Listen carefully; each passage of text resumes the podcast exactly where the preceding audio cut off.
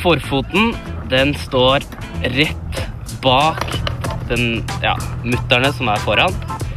Bakfoten står på tailen med ja, tærne hengende litt utenfor brettet, da. Sånn at du får en god skup.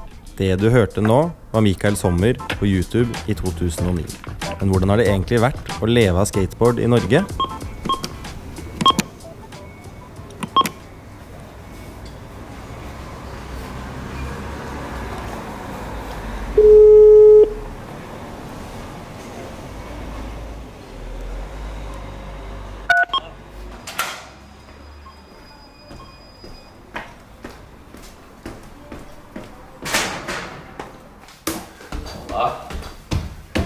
Var bra. Ja. Stig bra. på, stig på. Takk. Mikael holder til i en leilighet i sentrum. Skal det være noe kaffe eller et eller annet? Det lille rotet som er, kan forklares. Ja, og jeg har fått noe skateboard da, i posten, så her ligger de, da. Ikke det beste lagringsstedet, men eh, ja. De ligger bak sofaen. Åh, det er jo litt random sånn som jeg har fått det, da. Men jeg har jo pussa opp eh, med hjelp av noen kompiser. Så her på en måte bare Ja. På en eller annen måte bare fått det cleant, da. Jeg liker jo ting litt cleant, Altså, det er noe, noe brett på veggen og noen planter og noen hyller. Jeg heter Mikael Sommer, har skata i ca. 20 år. Jeg Er 31 år og eh. Går på skole og driver fortsatt og skater. Um, skating starta i Kristiansand når jeg var rundt 10 slash 11 år. Eh, jeg hadde jo noen gode venner da, som drev, eh, drev med det. da. Og da fikk jeg kjøpt et billig skateboard av de, da, siden de upgrada sitt. Så ja, siden det så har det bare ja, blitt veldig mange timer på det brettet, da. Ja, hvor- hvordan var skatemiljøet i, Kristiansand da du starta? Eh, miljøet i Kristiansand var veldig lite. Og pappa var alltid veldig flink til å liksom ta meg rundt på ting, da. Og mine venner, da. Så han drev alltid og kjørte bilen. Så han støtta at jeg liksom hadde min greie, da. Og det er jo veldig kult, da. Når jeg var 18 så fikk jeg vel min første kontrakt av DC. Det var ganske sprøtt, da. Det var på en måte da jeg hadde Kall det opp Eller oppnådd en drøm som jeg hadde En guttedrøm, da. Eh, Der jeg på en måte fikk lov til å tjene penger, og hver måned så kom det inn penger på kontoen eh, fra en sponsor, og det var jo absurd og kult og litt stress og alt mulig, da. Da hadde jeg også akkurat flytta til Oslo. Og så jobba jeg for et eventbyrå en periode. På hvilken måte? Eh, bare sånn, jeg ville jo bare skate så mye som mulig, så hvis jeg, sånn eventjobbing var jo sånn at du jobba en hel dag, og så kunne du ikke skate den dagen, men da tjente du ganske bra, for da jobba du kanskje 12-13 timer, da. Mikael forklarer at sponsoravtaler er viktige for å kunne leve av skateboard. I dag er hovedsponsoren hans giganten Nike. Kickflip. Og ja, viral flip.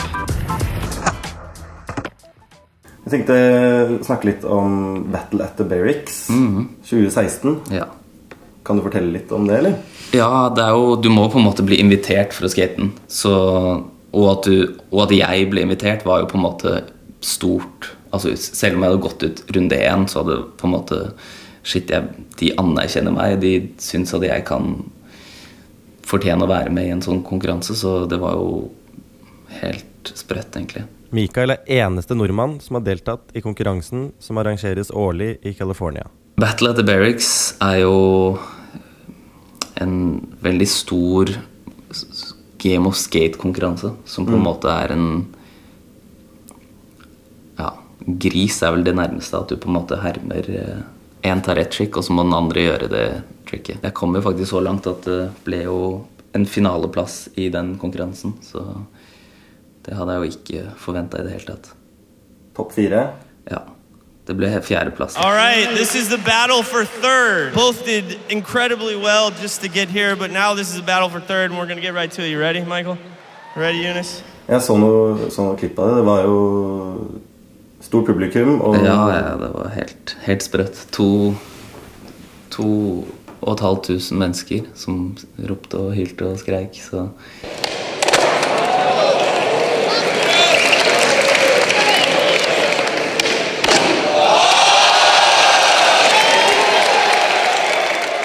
Det var litt skummelt, men eh, ja. Det var. Og før Rett før konkurransen, eller faktisk den siste runden jeg skata før finalen, tråkka jeg over noe helt sjukt.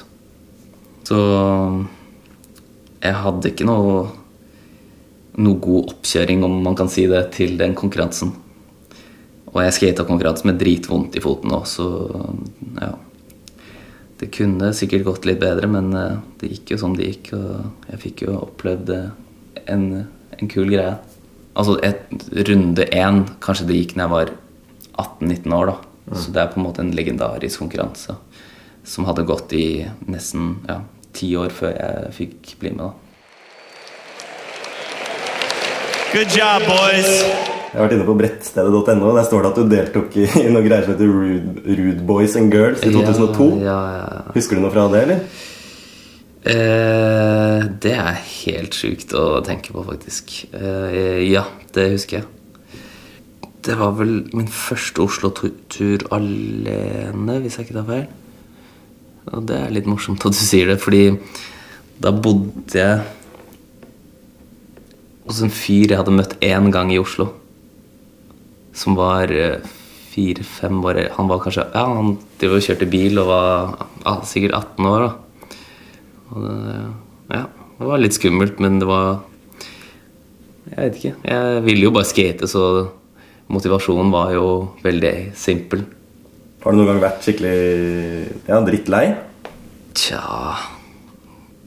Kanskje ikke drittlei, men altså motivasjon kommer jo og går litt. da Så det er jo tider du liksom føler at alt eh, Du har flytsone, og alt funker, og du får masse klipp og alt sånn. Og så er det jo ganger du har skader og ting er ganske pain. At du har vondt når du skater, og da forsvinner motivasjonen. Og da er det lett å tenke at shit, nå må jeg bare gi opp, liksom. Ja, skader er jo dritt.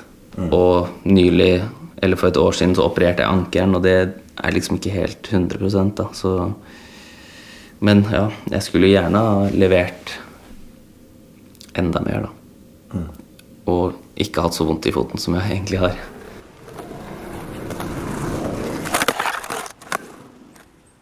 Men i hvert fall det jeg har slitt mest med, er jo begge anklene. Så i 2011-2012 så fikk jeg en langtids ankelskade på høyre ankel.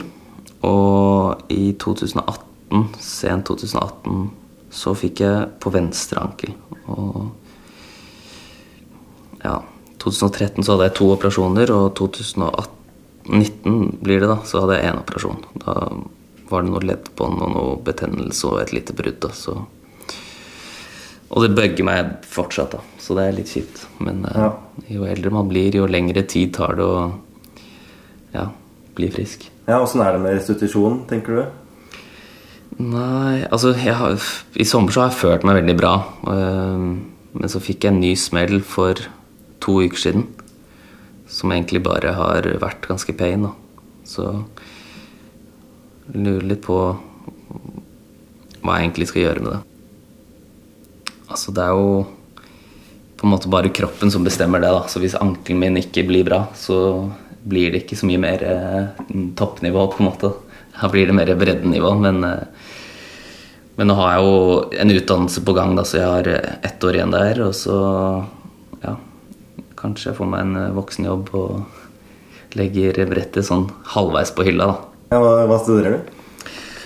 Jeg studerer eh, opp på idrettshøyskolen, der tar jeg en bachelor i sport management.